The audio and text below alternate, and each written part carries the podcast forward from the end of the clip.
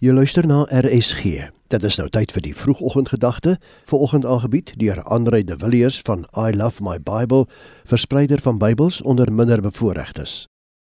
Hartlik goeiemôre. Baie jare terug het daar iets asemrowends by die beroemde Niagara watervalle gebeur.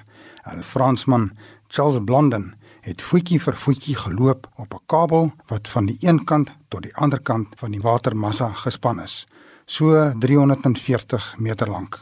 Vir die pret doen hy dit toe weer met sy broer op sy rug. Hy vra dit daarna toeskouer of hy op sy rug wil klim.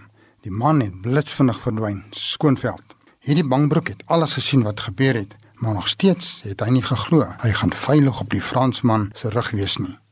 Hier is nou die wonderlike ding. Ons het nog nooit vir Jesus fisies gesien of iets wat hy gedoen het nie. Natuurlik ook nie vir God nie. Nou hoe kan daar van ons verwag word om te glo? En dit is wat geloof so spesiaal maak. Jy kan nie sien of verdien nie. Dit is God se lewensgeskenk aan jou. Ons kan dit net aanvaar. Luister weer wat staan in Hebreërs 11 vers 1 oor geloof. Dit is 'n vaste versekering dat die dinge waarna ons uitsien inderdaad sal gebeur. Dit is die bewys dat God die dinge wat ons nog nie kan sien nie, waar sal maak.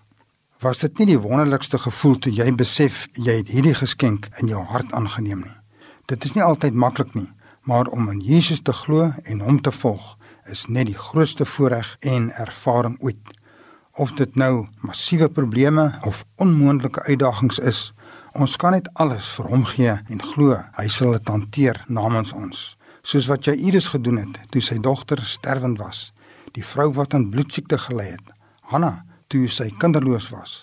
Gideon toe hy met 300 soldate teen 135000 van die vyand moes veg en die blindes, malaatses, kreuples en soveel ander van wie ons in die Bybel lees. Geef vandag elke stukkie van jou lewe oor aan jou Vader in geloof. Hy weet wat die beste is vir jou. Hy ken jou en deur hom is alles moontlik. Jy kan misluk, maar hy nooit. Hy is die koning van die ganse heelal.